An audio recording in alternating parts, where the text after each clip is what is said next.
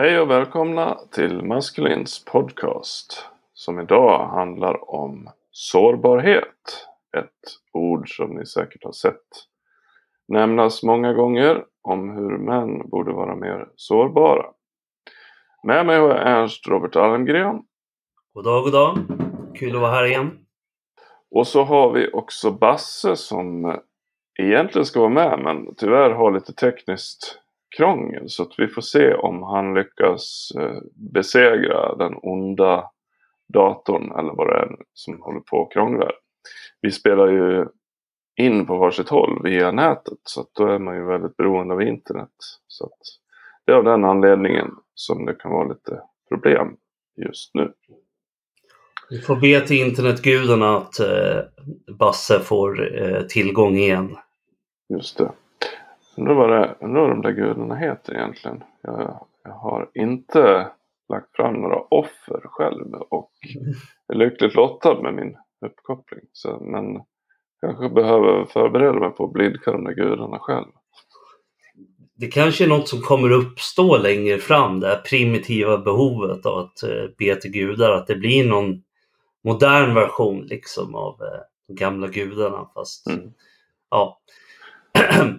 Men det är ett sidospår, eh, minst sagt. Ja, kan man säga. Eh, sårbarhet är ju någonting som ofta så ser man det i form av att det är män i grupp eh, som gör en utåtriktad grej av sin sårbarhet och visar hur de gråter och kramar om varandra och sånt här. Eller så är det eh, för att kvinnor säger att män måste vara sårbara. Och sen är det som att de vill leva upp till den här, vad kvinnorna nu har beställt av dem. Då. Eh, men vad skulle du säga, vad är sårbarhet egentligen? Mm. Alltså sårbarhet, alltså om man bara går på ordets betydelse så är det att att eh, eh, liksom eh, visa sig sårbar. Det finns ju olika sätt att uttrycka det. Du kan göra det på ett väldigt maskulint sätt och du kan göra det på ett väldigt feminint sätt. Jag skulle säga när kvinnor visar sig sårbara så är det just att de eh, uttrycker det genom gråt och genom känslor och, och så vidare. Eh, Alltså i grunden är ju sårbarhet att man visar upp sina brister eller eh, tillkortakommanden och så vidare. Eh, till exempel så finns det ju i, i, i djurvärlden, om man ser på typ gorillor och sånt där, så visar de upp bröstet. Hanarna visar upp bröstet för att liksom eh, visa sin status. Och, och män gör samma sak lite grann. Vi skjuter ut bröstet när vi vill eh, när vi vill puffa upp oss lite. Och anledningen till att vi gör det är att när en man visar bröstet så liksom gör vi oss öppna för ett angrepp. Och vi gör oss öppna för ett angrepp för att vi är så säkra på vår egen förmåga att hävda oss, att vi mm. vågar öppna upp oss. Och det är det här som jag tidigare har skrivit om och säger med artikeln eh, Sårbarhet är en lyx, inte en dygd. Eh, och där tar jag exemplet att om till exempel, jag vet inte, Magnus Samuelsson, eh, tidigare strongman, världens starkaste man, och, om han skulle sitta med polarna och säga ja, jag, jag, såg en film igår och den rörde mig så mycket att jag faktiskt fick tårar i ögonen. Så skulle väldigt få tänka shit vilken jävla tönt. Därför att det är Magnus Samuelsson. De vet att han skulle liksom kunna krossa en vanlig man med sina bara händer. Eh, det är liksom en lyx för honom att kunna visa sig sårbar på ett sådant sätt. Och det kan till och med vara lite endearing när en stark man visar upp en sårbarhet. Men mm. däremot om du är liksom ett snörvlande vrak som inte har ett jobb och inte har en flickvän och du inte åstadkommer någonting och du är tjock och ful och ovårdad och så sitter du bara på internet hela dagen. Åh, jag är så dålig på det här. Jag är dålig på det här. Jag är en dålig människa. Så är det sjukt eh, oattraktivt för en man. Eh, därför att det är ingen som vill ta hand om en man som eh, bara sitter och tycker synd om sig själv. Däremot kan det vara attraktivt om en man som har all the shit together eh, bestämmer sig för att visa upp sin akilleshäl och säga ja, till och med jag har liksom en öppning i rustningen. Till och med jag kan vara sårbar. Så men jag låter dig eh, hoppa in här så att jag inte bara fortsätter ramla. du är självmedveten där. Du är sårbar där i, i, ditt, i din medvetenhet om att du kan dra iväg med. exakt. exakt. Ja. Eh, nej men det, i det sättet då som du framställer då blir ju sårbarhet lite som ett privilegium som man har. Någonting man måste så att säga, du måste först förtjäna det på ett sätt en, enligt det sättet du ser det. Att du måste först jobba med dig själv så att du blir en man av värde. Och när du har blivit det, då, då kan du liksom visa upp utåt utan att förlora det. Medan någon som, eh, som inte alls har nått dit och inte jobbat med sig själv kommer inte att framstå i en dager som är speciellt god för hans ja, chanser på, på alla områden egentligen. Precis. Jag skulle vilja göra en till distinktion där för att nu tänkte jag vad man visar utåt mot omvärlden. Mm. Eh, en viktig distinktion får man göra att eh, alla män, och inte bara alla män, alla människor behöver en, eh, en in-group, alltså eh, liksom en nära liten cirkel. Mm. Eh, det ser man inom psykologin att vi har primära och sekundära grupper. Så att din bror och din syster och din mamma och din pappa är ju liksom väldigt primär grupp. Och, mm. och där finns ju liksom ingen anledning att eh, eh, sätta upp filter eh, för vad du känner. Så att, eller om du går till din psykolog eller till en präst. Liksom, mm. fine, låt det allt komma ut. Liksom. Du, eh, du är där för att arbeta med dig själv och där är något jag tryckt på ofta att det är någonting väldigt bra, hedervärt att arbeta med dig själv. Det blir ohedervärt när du går ut till massan och säger Åh, tyck synd om mig och liksom Åh, titta vilket offer jag är och vad jag behöver hjälp. Det är då det blir någonting omanligt. Men vänder du dig till en liten sluten grupp och ser liksom och verkligen släpper ut alla, allt du känner för att du vill bli bättre. Det är en annan sak eh, än att sitta och böla på mm. Facebook. Eh, du rör vid några intressanta saker här. Eh, för det första så är ju då syftet att man visar sig med garden nere. När man gör det i media till exempel eller när man gör det utåt. Eh, vilket ofta också anses vara den här eh, vad vissa menar med sårbarhet. Då gör man det för att visa, titta vad jag är duktig. Eh, ungefär som att man, man lägger ut en bild varje om man tar en vaccinspruta eller att man eh, donerar pengar till en organisation. Det blir liksom inte trovärdigt. Man gör det bara för att få cred, liksom, för att få eh, dunk i ryggen. Och det är lite sånt man ser med den här sårbarhet med män som går ut. Det är som att de Eh, de visar upp sig för att få någonting i utbyte. Mm. Eh, eh, det är ju in, det är liksom inte vad jag skulle rekommendera. Utan Eh, det andra när du snackar om den här lilla gruppen. Då tänker jag på, på boken eh, Normal Mr Nice Guy som vi brukar rekommendera i typ alla avsnitt och kommer väl att fortsätta att göra. Eh, och han, författaren, säger då att man behöver en safe person. Och i en sån här grupp med män så kanske man behöver safe persons. Och det innebär att du kan erkänna precis allt du har problem med. Du kan erkänna att du har problem med droger eller att du inte vet hur du ska hantera kvinnor eller att du har fått sparken från ditt jobb eller vad som helst. Eh, det är just att att du är i en trygg miljö, att du är med människor som du kan lita på och människor som inte kommer att skratta och håna dig om, om du erkänner att du har eh, problem som du skäms för. Eh, det är den positiva sårbarheten skulle jag säga. Men, men det är just, det är absolut inte för uppvisnings skull utan tvärtom så vill man ju hålla det borta från offentligheten. Ja, absolut. Um, och, och grejen är att jag kan tänka mig, om man ska spela lite djävulens advokat då, tänker mig att vi, har, eh, att vi hade typ Attilas Jolda här eller någonting som skulle diskutera det här med oss så skulle han säga vad spelar det för roll? Eh, det, det, finns inga skillnader mellan män och kvinnor. Eh, alla behöver gråta, alla behöver visa känslor. Vad spelar det för roll om en man gör det och, och, och inte en kvinna eller vice versa? Mm. Och eh, här måste vi då ta upp varför skulle män inte i alla tillfällen visa upp sina känslor och sin sårbarhet? Och då kan vi ta upp det av det enkla skälet att eh, män har en annan roll rent generellt sett. Ja, det finns undantag.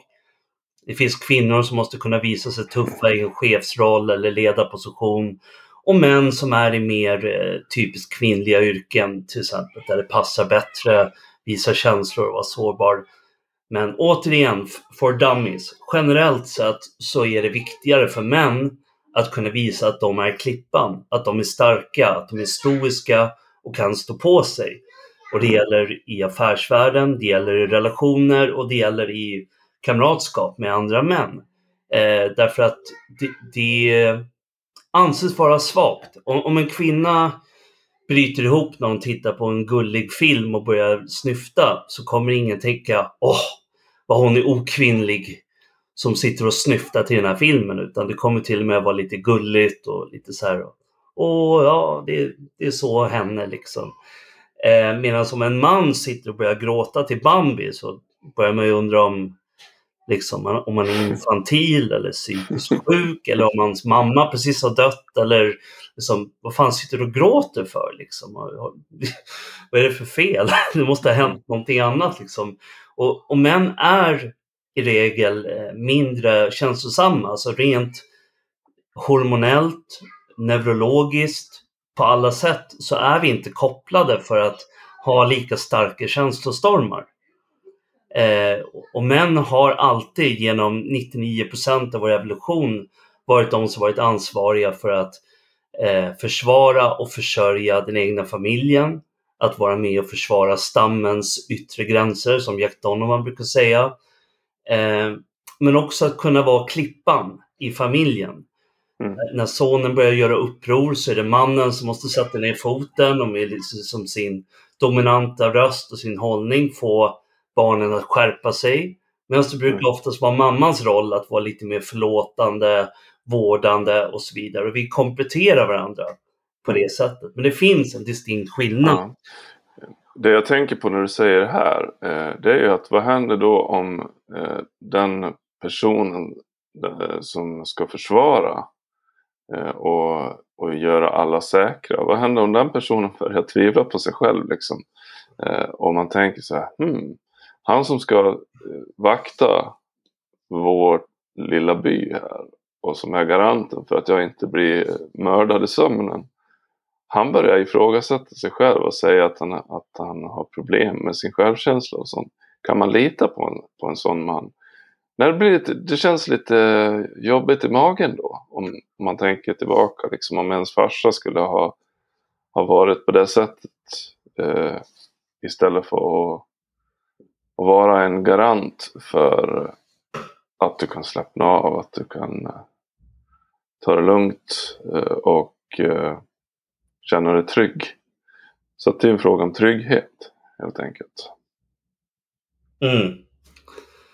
Jo precis, och här finns ju en motsättning med vad till exempel samhället säger och eh, vad vissa kvinnor säger. Det är att, och det är så fint när en kille vågar visa sina känslor, säger de. Mm. Därför att kvinnor uppfattar det som något fint i sig själva att de vågar visa känslor. Och det är ju kvinnlig solipsism, att de utgår från sig själva. Men när de väl är med en man som eh, beter sig som en liten gråtande skolflicka så kommer hon inte finna det attraktivt. Och där finns det liksom undersökningar på kvinnor, kvinnliga kvinnor vill inte ha män som är mentalt svaga.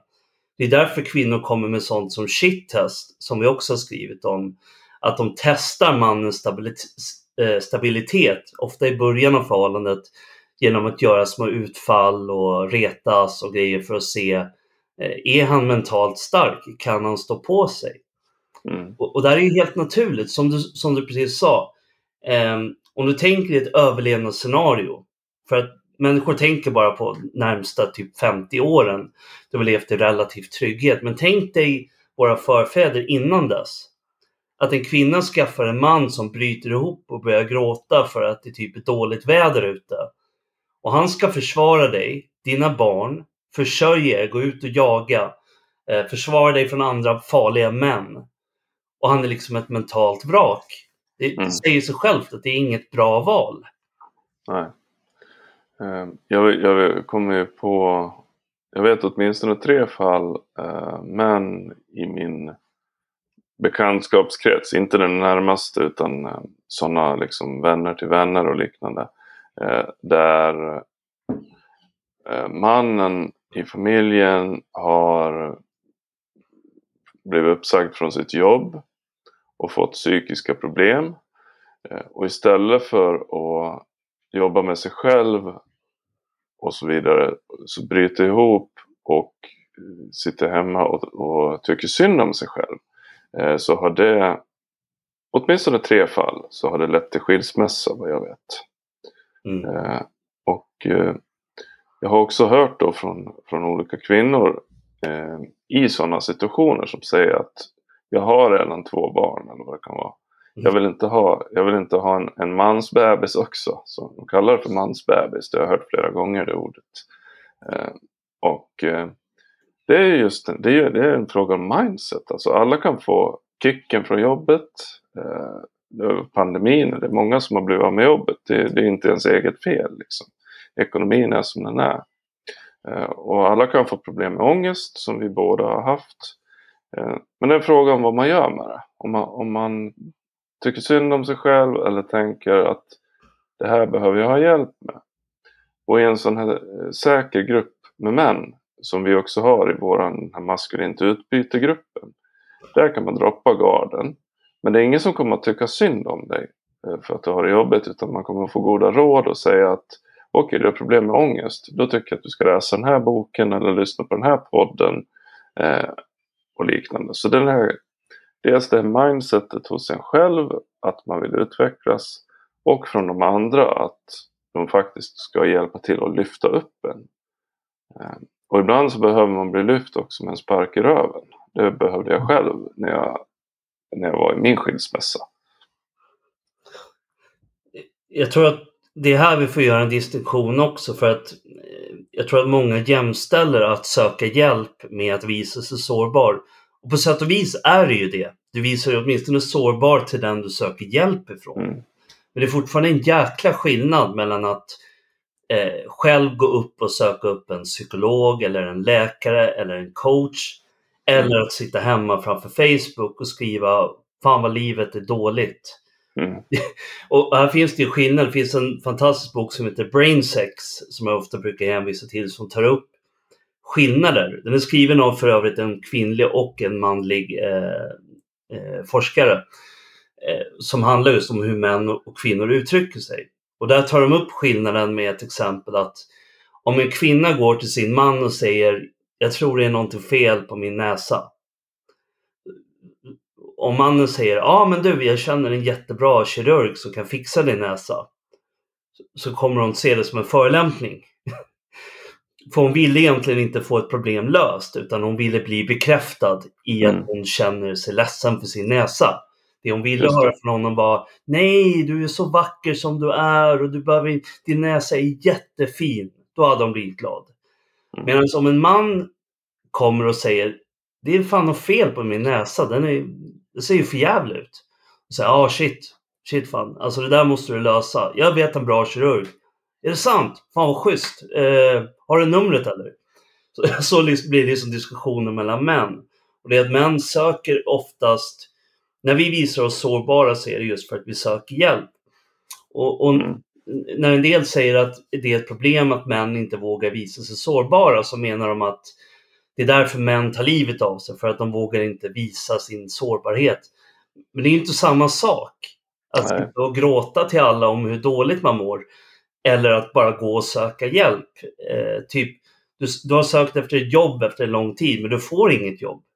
Och då Mm. kanske du ska gå till Arbetsförmedlingen och fråga vad gör jag för fel? Eh, och kanske få lite tips. Eller till en jobbcoach eller utbilda dig lite mer. Och det är inte samma sak. Det är att ta tag i dina problem genom att söka hjälp utifrån. Och det Mm. gör ju alla smarta män som vill bli vinnare. Liksom. Ja, eh, vi har ju sett det nu sen vi har drivit den här eh, eh, maskulint-sajten i några år nu. Och eh, det är olika kategorier av män. Och en viss kategori av män tror att de inte har någonting att, lära sig. De är redan fullärda, perfekta och så vidare. Så att när de får problem eh, så försöker de att förklara de problemen och skjuta det på någon extern faktor. Att det är samhällets fel, eh, att det är grannens fel eller att det är någon form av regler. Om det inte var för de här reglerna så skulle allt vara frid och fröjd. Eller om de var födda på 30-talet så skulle allting vara mycket bättre. Eh, medan den typen av män som hanterar sådana här situationer bättre är just de som har en konstruktiv inställning och är beredda att faktiskt om man håller på med prestige och sådana här grejer att man faktiskt erkänner att nej men jag vet inte det här. Nej jag kan inte det här. Eh, det finns någon som är bättre på det här som jag borde lyssna på. Eh, Att ta hjälp på det viset. eh, Det är ett måste. Eh, Den som inte är beredd att utvecklas, att fråga någon auktoritet inom området. Ja, den personen är dömd att eh, vara kvar där han är liksom. Mm. Men vad skulle du säga att vad är skillnaden då mellan en sån man och en sån som istället i tystnad tar till spriten liksom eller ännu värre saker för att om man mår dåligt att man inte söker eh, hjälp av vården, eh, psykisk hjälp och så vidare eller att man söker sig till andra män. Eh, varför sitter män ensamma och mår dåligt och dricker sprit istället? Vad är det för skillnad på dem och sådana som faktiskt söker hjälp? Ja, jag tror att du satte fingret på det när du pratade om mindset. Eh, och det låter lite klyschigt att säga, men en del har en growth mindset. Alltså, jag vet inte hur man ska översätta det på svenska. Till, tillväxt mindset. Ja. Ordet mindset går inte att översätta i sig. Liksom. Nej, precis. Men, men en, en attityd om att du kan bli bättre. En inställning om att eh, jag är inte bäst på allt, men jag kan bli bättre på det jag vill bli bättre på om jag eh, Mm. jobbar hårt och så vidare. Det finns ju den här, ehm, eh, och det har vi tagit upp flera gånger förut också, det finns den här Hollywood-myten om att hjälten är den som är ofelbar redan från början, typ Superman. Han Mm. bara föds med superkrafter och, och, och så kan han allting från början utan att behöva slita för det. Eh, och, och- det där är intressant, alltså i, i alla fall ingen män, mänsklig man har det så. Nej. Eh, Det är därför jag älskar filmer som Rocky till exempel, som handlar om den här killen, the underdog, som tvingas kämpa sig upp och ta hjälp av en coach och, eh, och som behöver stöd och hjälp. Men menar, ingen ser ju Rocky Balboa som en tönt för att han söker sig, att han får hjälp av Apollo Creed i film nummer tre, för de som har sett det. Eller för att han pratar med sin fru om att han liksom vill, vill ta hand om sin familj och liksom han är rädd för att förlora för att han vill kunna göra sitt bästa för sin familj och så vidare. Det är inte samma sak. Alltså det vi vänder oss emot när vi pratar sårbarhet är att göra som en kvinna eh, eller som kvinnor oftast gör, det vill säga att bara ventilera. Och det funkar för kvinnor därför att män vill ta hand om kvinnor. Vi tycker synd om kvinnor som är ledsna och så vidare. Eh, men, men kvinnor känner inte samma sak. Eller de kan känna samma sak för män, men de blir inte attraherade av sådana män. Och de vill inte leva med den typen av män. Ehm, så det är liksom, vi kan inte bara spegla kvinnor. Och vi lever i ett samhälle nu som har upphöjt kvinnan som idealet för alla. Och det är lika dåligt som att säga att alla kvinnor borde vara som män. Det funkar inte så. Vi är olika. Vi borde ha olika typer av förebilder. Mm. Ja. Det är ju, skulle jag säga att det är ju ordet sårbarhet är problematiskt. Eh, därför att det är eh, olika grupper och, och ideologiska inriktningar lägger olika betydelse i ordet sårbarhet och sen försöker de att diskutera sinsemellan och utgå från att deras så att säga motståndare har samma definition och då har de inte det. Eh, min, när jag tänker sårbarhet då, då tänker jag just på det här att man släpper garden och erkänner att man inte kan allt och man kan be om hjälp. Det är sårbarhet för mig. Eh, medan att man sitter och gråter öppet och går ut i media. Eh, då är man inget annat än en lipsill i mina ögon. Alltså, då, är, då är man en offerkofta bara. Det är inte sårbarhet, det, det är någon form av bekräftelse, offerbeteende. Eh, och jag tror att folk menar någon av de här när de pratar om sårbarhet. Men det är sällan självklart vilken definition. Men i själva diskussionen så, så missar man just att man menar olika saker och sen är det ännu en bortkastad diskussion. Just det. Och, och jag tror också att um... Ja precis, nej. Jag, jag tror det är där att just att man gör, eh, man förväxlar att uh, ha ett growth mindset med att man måste vara mer liksom känslig eller mer sårbar. Mm. Eh, det finns ju en eh, passage i den här boken eh, No Mr Nice Guy som jag nämnde tidigare där han, Robert Glover, pratar med en av sina patienter. Han försöker säga till honom, ja men gå efter dina intressen, försök att liksom hitta din passion och lev för den. Och så svarar den här manliga patienten, ja det är ju lätt för dig att säga som är psykolog och lever din dröm och har allting. Och han reagerade inte på det just då, men efteråt så blev han irriterad. Han tänkte, vadå tur? jag föddes inte till psykolog. Jag har fått slita i många år liksom i skolbänken och öppna en praktik och misslyckas och gå back med pengar och tvingas skaffa klienter. Jag har ju kämpat för där jag är. Och jag märker det här också med träning. Att eh, en del verkar vara, när jag dyker upp, när de inte sett mig på två år, så har jag lyckats eh, bygga upp en bättre fysik, säger de. Vad är hemligheten? Hur gjorde du?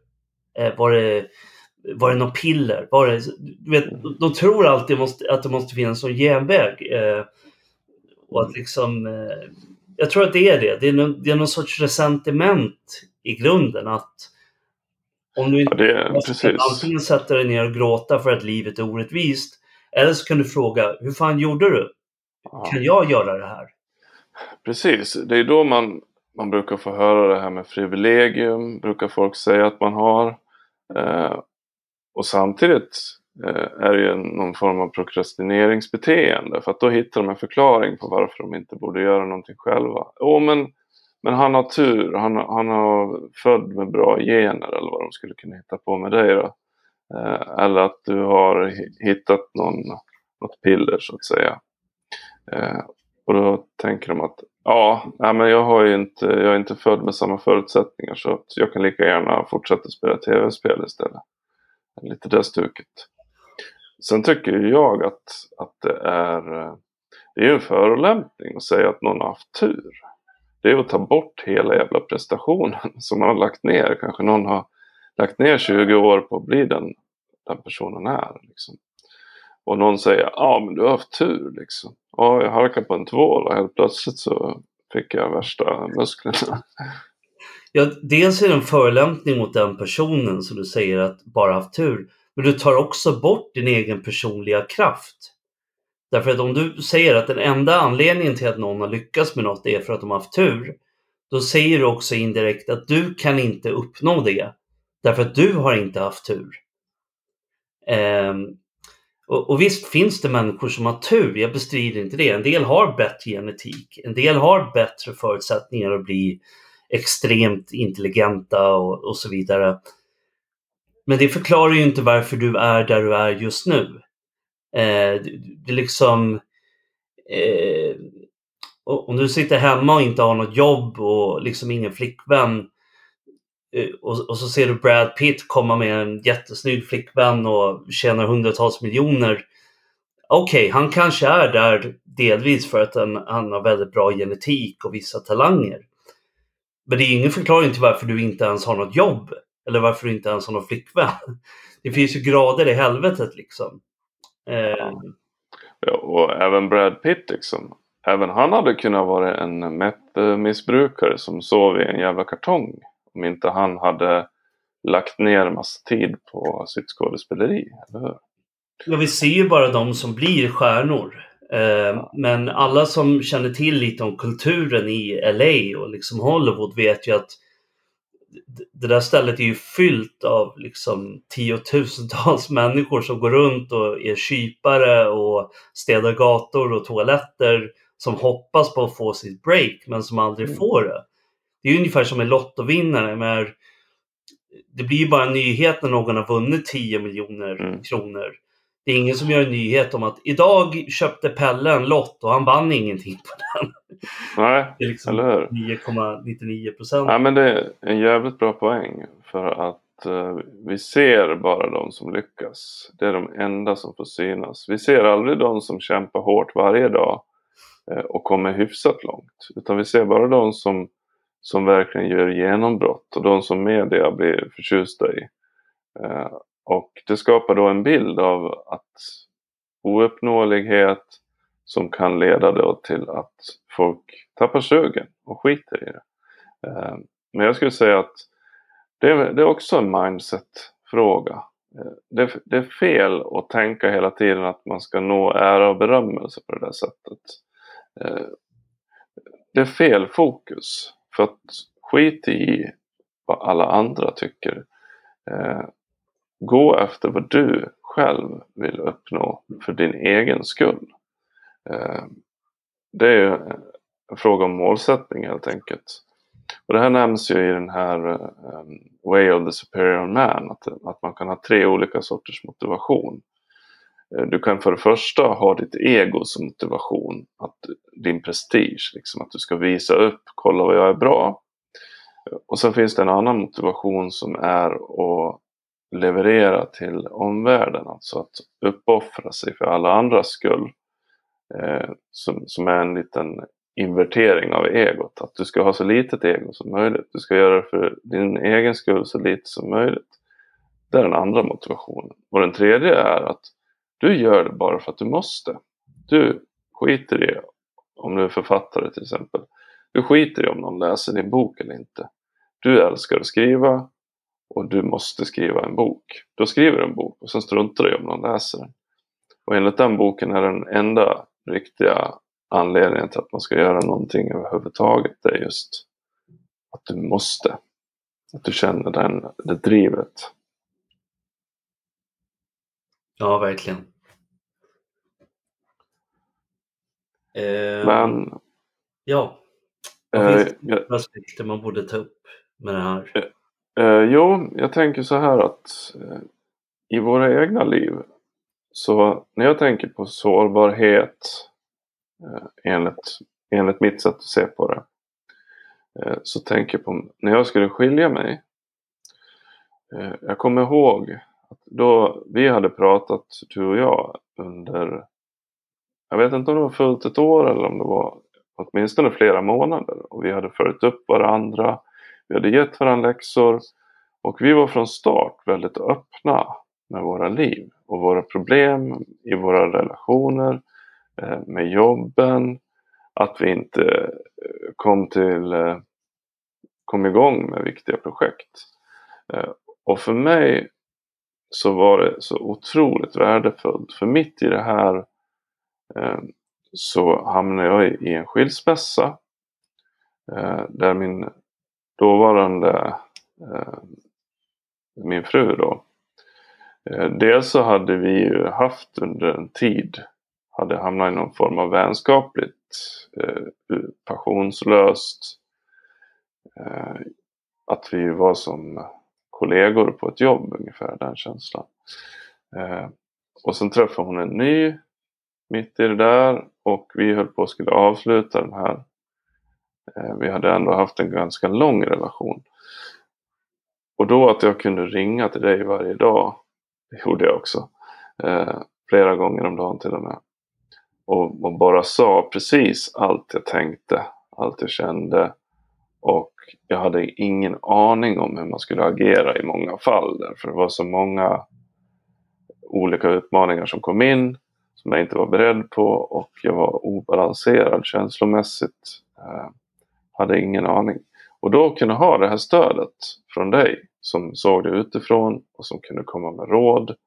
Eh, det gjorde att alltså det är tack vare det som jag klarade den här persen och, som jag idag har ett liv som jag inte ens hade kunnat drömma om innan jag skilde mig. Alltså det, eh, den utveckling som har skett sedan 2016, då, fem år, det är helt magiskt alltså. Det är helt sjukt. Jag hade inte kunnat tro det någonsin.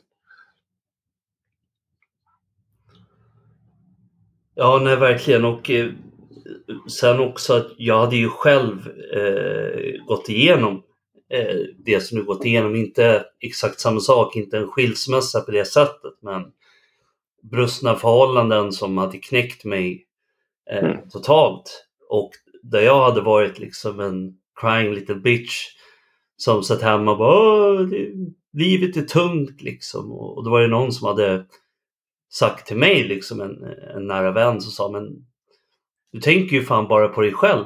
Du har ju fan en dotter och du har liksom, du har vänner och du, du har ett jobb. Mm. Du har en massa människor som litar på dig liksom. Och skulle bryta ihop nu bara för att någonting inte gick din väg. Liksom.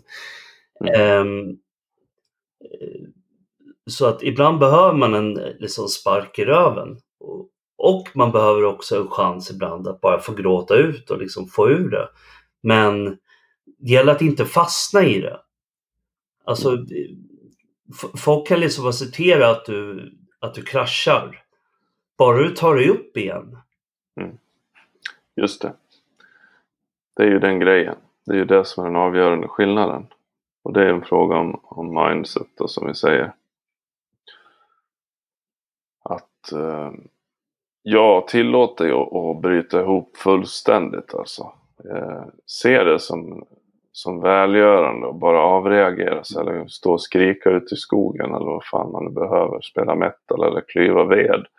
Eh, men få ur skiten, börja om och, och bygg upp dig själv igen. Det är liksom det är den skillnaden. Om man sitter och tycker synd om, om en själv eller om jag hade lagt all fokus då på mitt, min, eh, mitt ex där och, och tyckte att hon har förstört mitt liv och ägnar resten av mitt liv åt någon form av hämndaktion mot henne så hade ju det varit fruktansvärt patetiskt och det hade varit totalt destruktivt för våra gemensamma barn också. Eh, att, att jag och, och deras mamma är i ständig strid. Det hade de inte mått bra av, kan jag säga.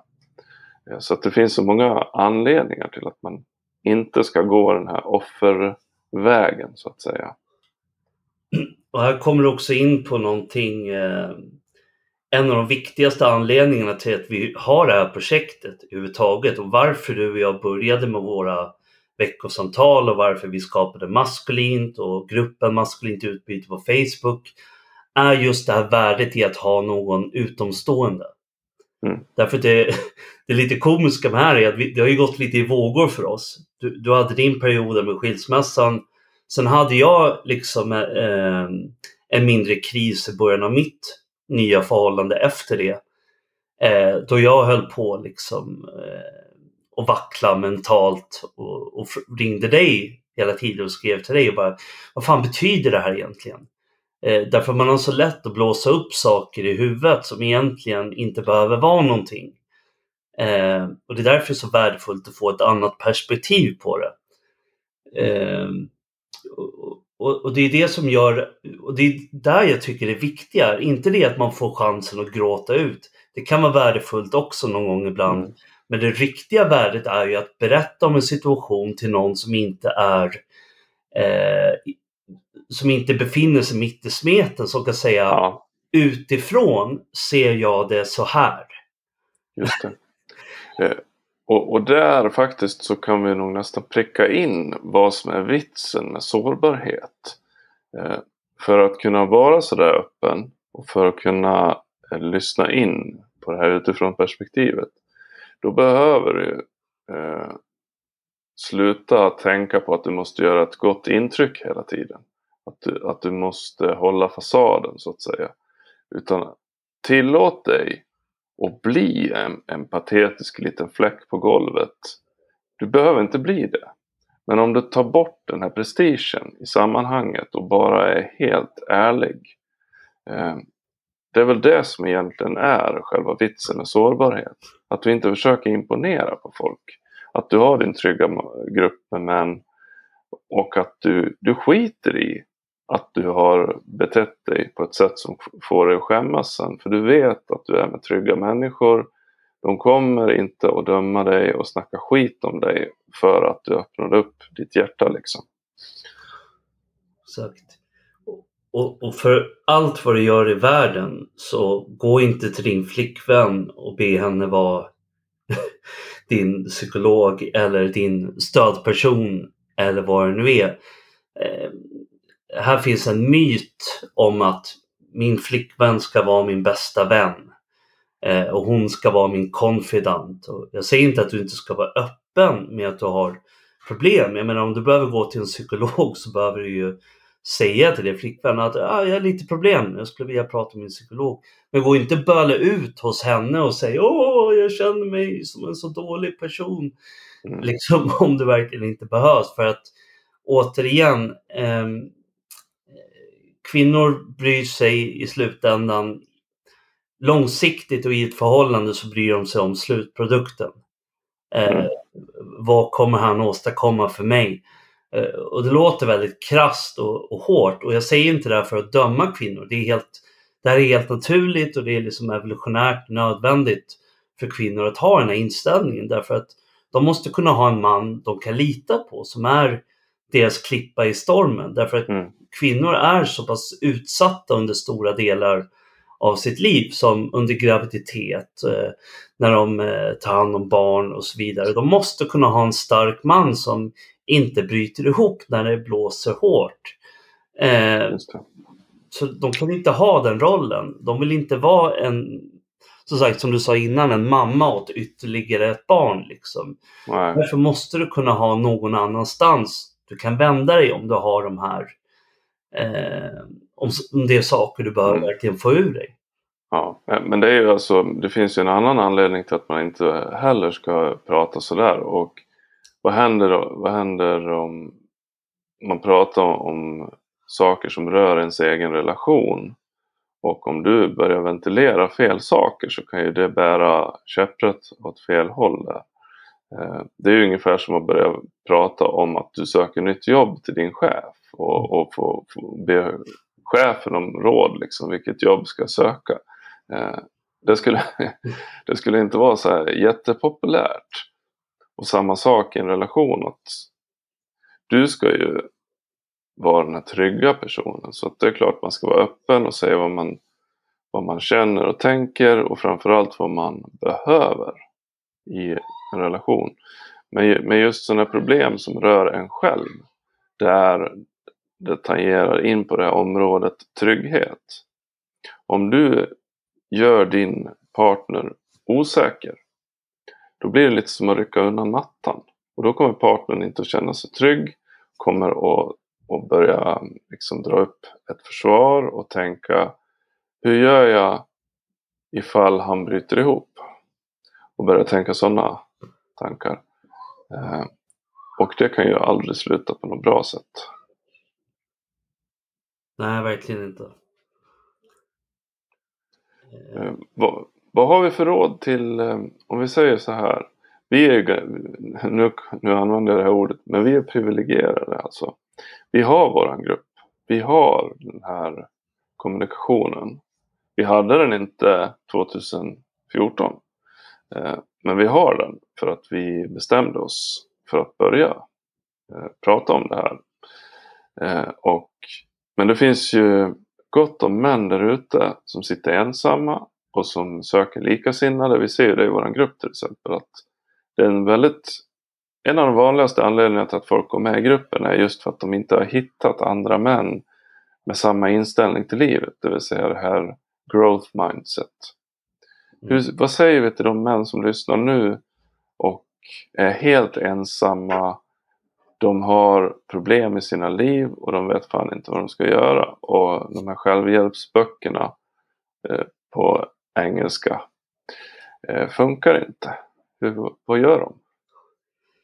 Ja, du sa att vi är privilegierade. Eh, jag tror jag måste undersöka det ordets egentliga betydelse. För att när jag hör privilegium så tänker jag att det är någon som har fått något oförtjänt. Ja, just det. Eh, Medan i själva verket att du och jag har våra samtal, att vi har vår grupp, att vi har allt det här. Det beror ju på att vi har tagit action. Mm. Och det började med att du tog action. Du kontaktade mig eh, för att fråga om jag ville vara en del av eh, dina fem. Eh, från det här citatet av Jim Rohn som vi alltid hänvisar till. You're the average of the five people you spend the most time with. Eh, och det var ju, jag menar, det var inte någon som bara kom och gav dig din kontakt eh, med mig. Och eh, likadant när du tog kontakt med mig så blev det ju omedelbart hade inte jag gett tillbaka lika mycket som du gav, då hade vi inte haft ett utbyte. Om jag hade bara suttit där och bara, ja, underhåll mig och ge mig råd, men jag tänker inte ge dig några råd eller stötta mm. dig. Då hade det inte blivit någonting av den här kontakten. Vi har ju båda fått jobba för det. Ja. Och så har vi liksom hjälpt varandra, sen har vi börjat skriva om de här sakerna, så startade vi maskulint. Och genom det, så genom hårt arbete där vi knappt nådde någon första året, så har vi lyckats liksom växa och få mer respekt och bli en auktoritet och sprida oss. Det är ju hårt arbete och mm. handling som har lett till att vi har det här. Och det är det män där ute måste göra. Och det mm. börjar med något så väldigt enkelt som att du tog kontakt med mig. Du bara skick, ja. drog iväg ett. Men ja. män där ute kan gå med i vår grupp, man skulle inte utbyta om de känner att de är liksom redo att verkligen eh, mm. göra någonting på allvar. Eller så kan de, om de har mentala problem, kan de bara vända sig till närmsta psykolog eller mottagning. Eh, om de har svårt att få ett jobb, gå till en jobbcoach eller gå till Arbetsförmedlingen, vad det nu är. Ta bara första steget till att bli bättre på det. Och det finns i princip ingenting du inte kan bli bättre på. Du kan gå ner i vikt, du kan bygga muskler, du kan lära dig att bli bra med kvinnor oavsett vad någon säger. Eh, mm. Och det har aldrig funnits så mycket verktyg som nu. Vi har över 500 artiklar på vår sida om hur man kan bli bättre på olika saker. Allt mm. från mm. lära till ett nytt språk, till att bygga muskler, till att bli mer effektiv och så vidare. Mm. Och, och då vill jag också påpeka att de här grejerna som står på sidan, det är inte för att vi sitter och sitter på alla svar. Eh, det är inte därför artiklarna ligger där, utan det är för att när vi har sökt svaren själva så har vi hittat och vi har skrivit om det. Så att vi sitter inte och är fullärda. Den här idén om att man är fullärd, den är totalt idiotisk. Eh, så att alla börjar från noll och då måste man vara ödmjuk inför att jag har mycket att lära mig och det finns en massa andra människor där ute i världen som vet mer än vad jag vet. Utan att det är någon jävla tävling om vem som vet mest eller vem som är bäst eller så vidare. Det är bara den pubertal inställning till eh, hur livet ser ut. Det handlar bara om vem du är. Det handlar bara om vad du ska uppnå. Inte hålla på att jämföra och, och liksom eh, ha kukmätartävlingar med, med andra män om, om vem som vet mest om ett visst ämne. Det är bara trams. Eh, se auktoriteter, se dem som läromästare. Eh, varje expert eller mästare, om man pratar om Donovans termer då. Varje mästare har någon gång varit en novis. Så är det alltid i alla ämnen, i alla områden. Liksom. Exakt och eh, alltså det största, en av de största värdena som jag ser med att läsa självbiografier eh, av framgångsrika män är att någonting man slås av är att shit vad mycket hjälp de har fått längs vägen. Eh, typiska sådana så här quote on quote self-made män är oftast de som haft flest coacher, flest mentorer, flest kamrater som har hjälpt dem längs vägen. Eh, det är så man blir bra. Eh, en del har ju frågat mig nu för att eh, jag har gått ner mycket i vikt senaste månaden och eh, jag har följt en väldigt strikt diet och väldigt strikt träning. Och jag har gett många andra råd tidigare om hur man bygger muskler och så vidare som PT. Och då frågar varför tar du hjälp av någon annan? Mm. Därför att jag är inte världens bästa i hela världen om kost och träning. Eh, det vore ju trevligt om det var så, men det är det inte. Utan jag ville uppnå ett nytt resultat som inte jag lyckats nå förut. Så jag gick till någon som jag vet är mer kunnig och bättre än mig om det här och sa jag vill anlita dig för att jag vill ha de här resultaten. Hur gör jag? Mm. Och jag betalar ganska mycket för det. Eh, och det här gjorde även eh, en av våra förebilder, Jack Donovan, för sidan. Eh, om man går in och kollar på honom på Instagram så slås man av hans otroliga fysik som han haft eh, otroligt länge. Men han sa det också. Han bara, jag gick till en bodybuilder, betalade han och frågade hur gör jag för att få den här fysiken? Och så fick han den hjälpen och nu ser alla Jack Donovan och bara, åh oh shit, eh, det, det, är helt omöjligt att se ut sådär. Mm. Nej, det är inte alls omöjligt. Han gick till någon som visste hur man gör och fick hjälp att göra det. Så gör du ju som du sa inom allting. Ja, ja precis. Det är ju det viktiga takeaway grejen här är ju att du tävlar ju bara med dig själv. Du vill, du vill uppnå ett resultat som du inte hade uppnått innan. Så att eh, det handlar liksom inte om vad någon annan har gjort. Men jag har ofta hört den här, det här tankesättet från män att eh, ja, det om man tycker någon är bra på något, vad ska vi säga, programmering till exempel. Ehm, då, då kan den personen försvara sig med att nej, det är ingen idé för det finns de som är bättre. Eh, så att det, det är liksom bäst i världen eller ingenting. Och i och med att man inte blir bäst i världen så då kan man lika gärna skita i allt istället. Mm. Så konstigt svartvitt tänkande där som, som är otroligt destruktivt och får en att, att sitta fast i, i passivitet. Och eh, med all sannolikhet även psykisk ohälsa. Just det, och brist på nyfikenhet. Eh, ah. Därför att eh, om vi ska ta, det, vi har inte så mycket konkurrens i Sverige. Vi är ju den enda svenska sidan om maskulinitet eh, som är positiv till maskulinitet. Men om vi ser på den engelskspråkiga världen så finns det ju till exempel Order of Man eh, som drivs av Ryan Mickler som har nått otroliga resultat senaste året. Liksom med Eh, hundratals miljoner nedladdningar av hans podd. Han, det är liksom en heltidsindustri för honom att driva Order of Man. Han har fått med otroligt kända och stora och viktiga gäster och så vidare. Men han började också från noll eh, ganska långt innan oss och fick hålla på i många år. Men tänk om vi bara skulle ge upp nu med Masklin för bara, aha, men han har ju hundratals miljoner Eh, nedladdningar. Och här har vi bara några tiotusentals eh, personer som besöker vår sida. Mm. Eh, det är ingen idé. Om inte vi direkt får 100 miljoner människor som gillar oss, då, då lägger vi ner. Som du säger, det är otroligt infantilt och ja. eh, counterintuitive. Och den här idén om att allt att det sker över en natt också, det är totalt jävla fel. Alltså, det kunde inte vara mer fel. Det, alla overnight success tar ju typ tio år eller vad de säger. Liksom. Mm. Men man ser bara det sista. Man ser bara att oj, var kom han ifrån? Oj, vad han uh, liksom hoppade rakt in från ingenstans. Verkligen en naturbegåvning. Men, men, så är det inte alls. Det är bara att, att det inte syns. Alla har, har ett hårt arbete bakom sig. Eh, eh, jag skulle säga för män som lyssnar på det här eh, och inte vet vad de ska göra. Sök upp en bra person som, som du kan lära dig av och som kan lära sig av dig. Börja där. Eller gå med i vår grupp och, och hitta någon mental sparringpartner där inne. Liksom. Någon du kan prata med när det blir tungt. Någon du kan lita på. någon, någon nära manlig vän. Och håll det för er själva. Håll inte på och sprid ut det liksom utåt utan grejen med den här sårbarheten då, som jag ser det. Det är ju lite som när man kommer till det. Du har varit ute och, vad ska vi säga, du har varit ute i, i strid, krig och så vidare. Då har du en massa pansar och grejer på dig.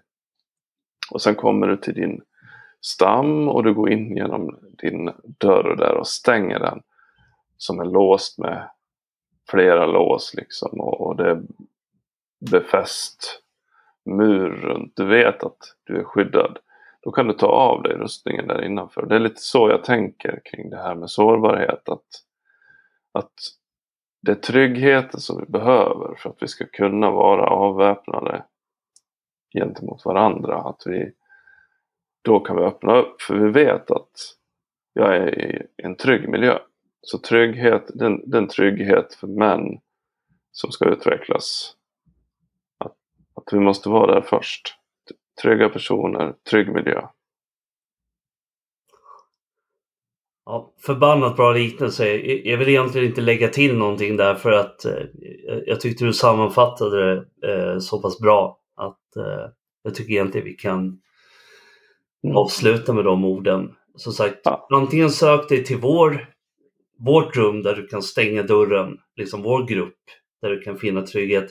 Eller hitta oss någon annan om du redan känner någon person som du skulle kunna ha som mentor. Som du kan vara sårbar med. Gå till den personen och fråga om råd. Och du behöver inte göra allt på en gång. Välj ett område. Ta små steg. Eh, köp den här boken om hur du blir bättre eller gå till den där kursen eller sök det där jobbet eller fråga ut den där tjejen. Börja och var redo på att hamna på arslet om och om igen. För det gör alla på sin väg mot toppen. Det är liksom nio gånger falla på arslet, en gång liksom landa på fötterna. Och, ja. och så är det med all utveckling hela tiden. Ja, verkligen. Och eh, om ni vill eh, komma i kontakt med oss så är det ju enklast att ni skickar meddelande till vårt Twitterkonto. Eller så får ni söka medlemskap i Maskulint utbyte. Eh, sen har vi mail på hemsidan också men jag skulle säga att Twitter är nummer ett. Enklast att få kontakt med oss den vägen. Sen om ni tycker att vi gör ett bra jobb så kan ni skicka ett bidrag, frivillig storlek på det till 0730 50 22 29 och skriv Swish till maskulint så vi vet vad det gäller. Uh, och sen är det bara att ni hör av er vad ni tycker om avsnittet, om det är några önskemål på ämnen ni vill att vi tar upp eller om det är någonting annat. Så det är bara att höra av sig. Ja. Vi avrundar där tycker jag. Ja. Ha det bra allesammans och eh, på återseende. Eller återhörande, hur man nu säger. Ja. Tack för att ni lyssnade. you.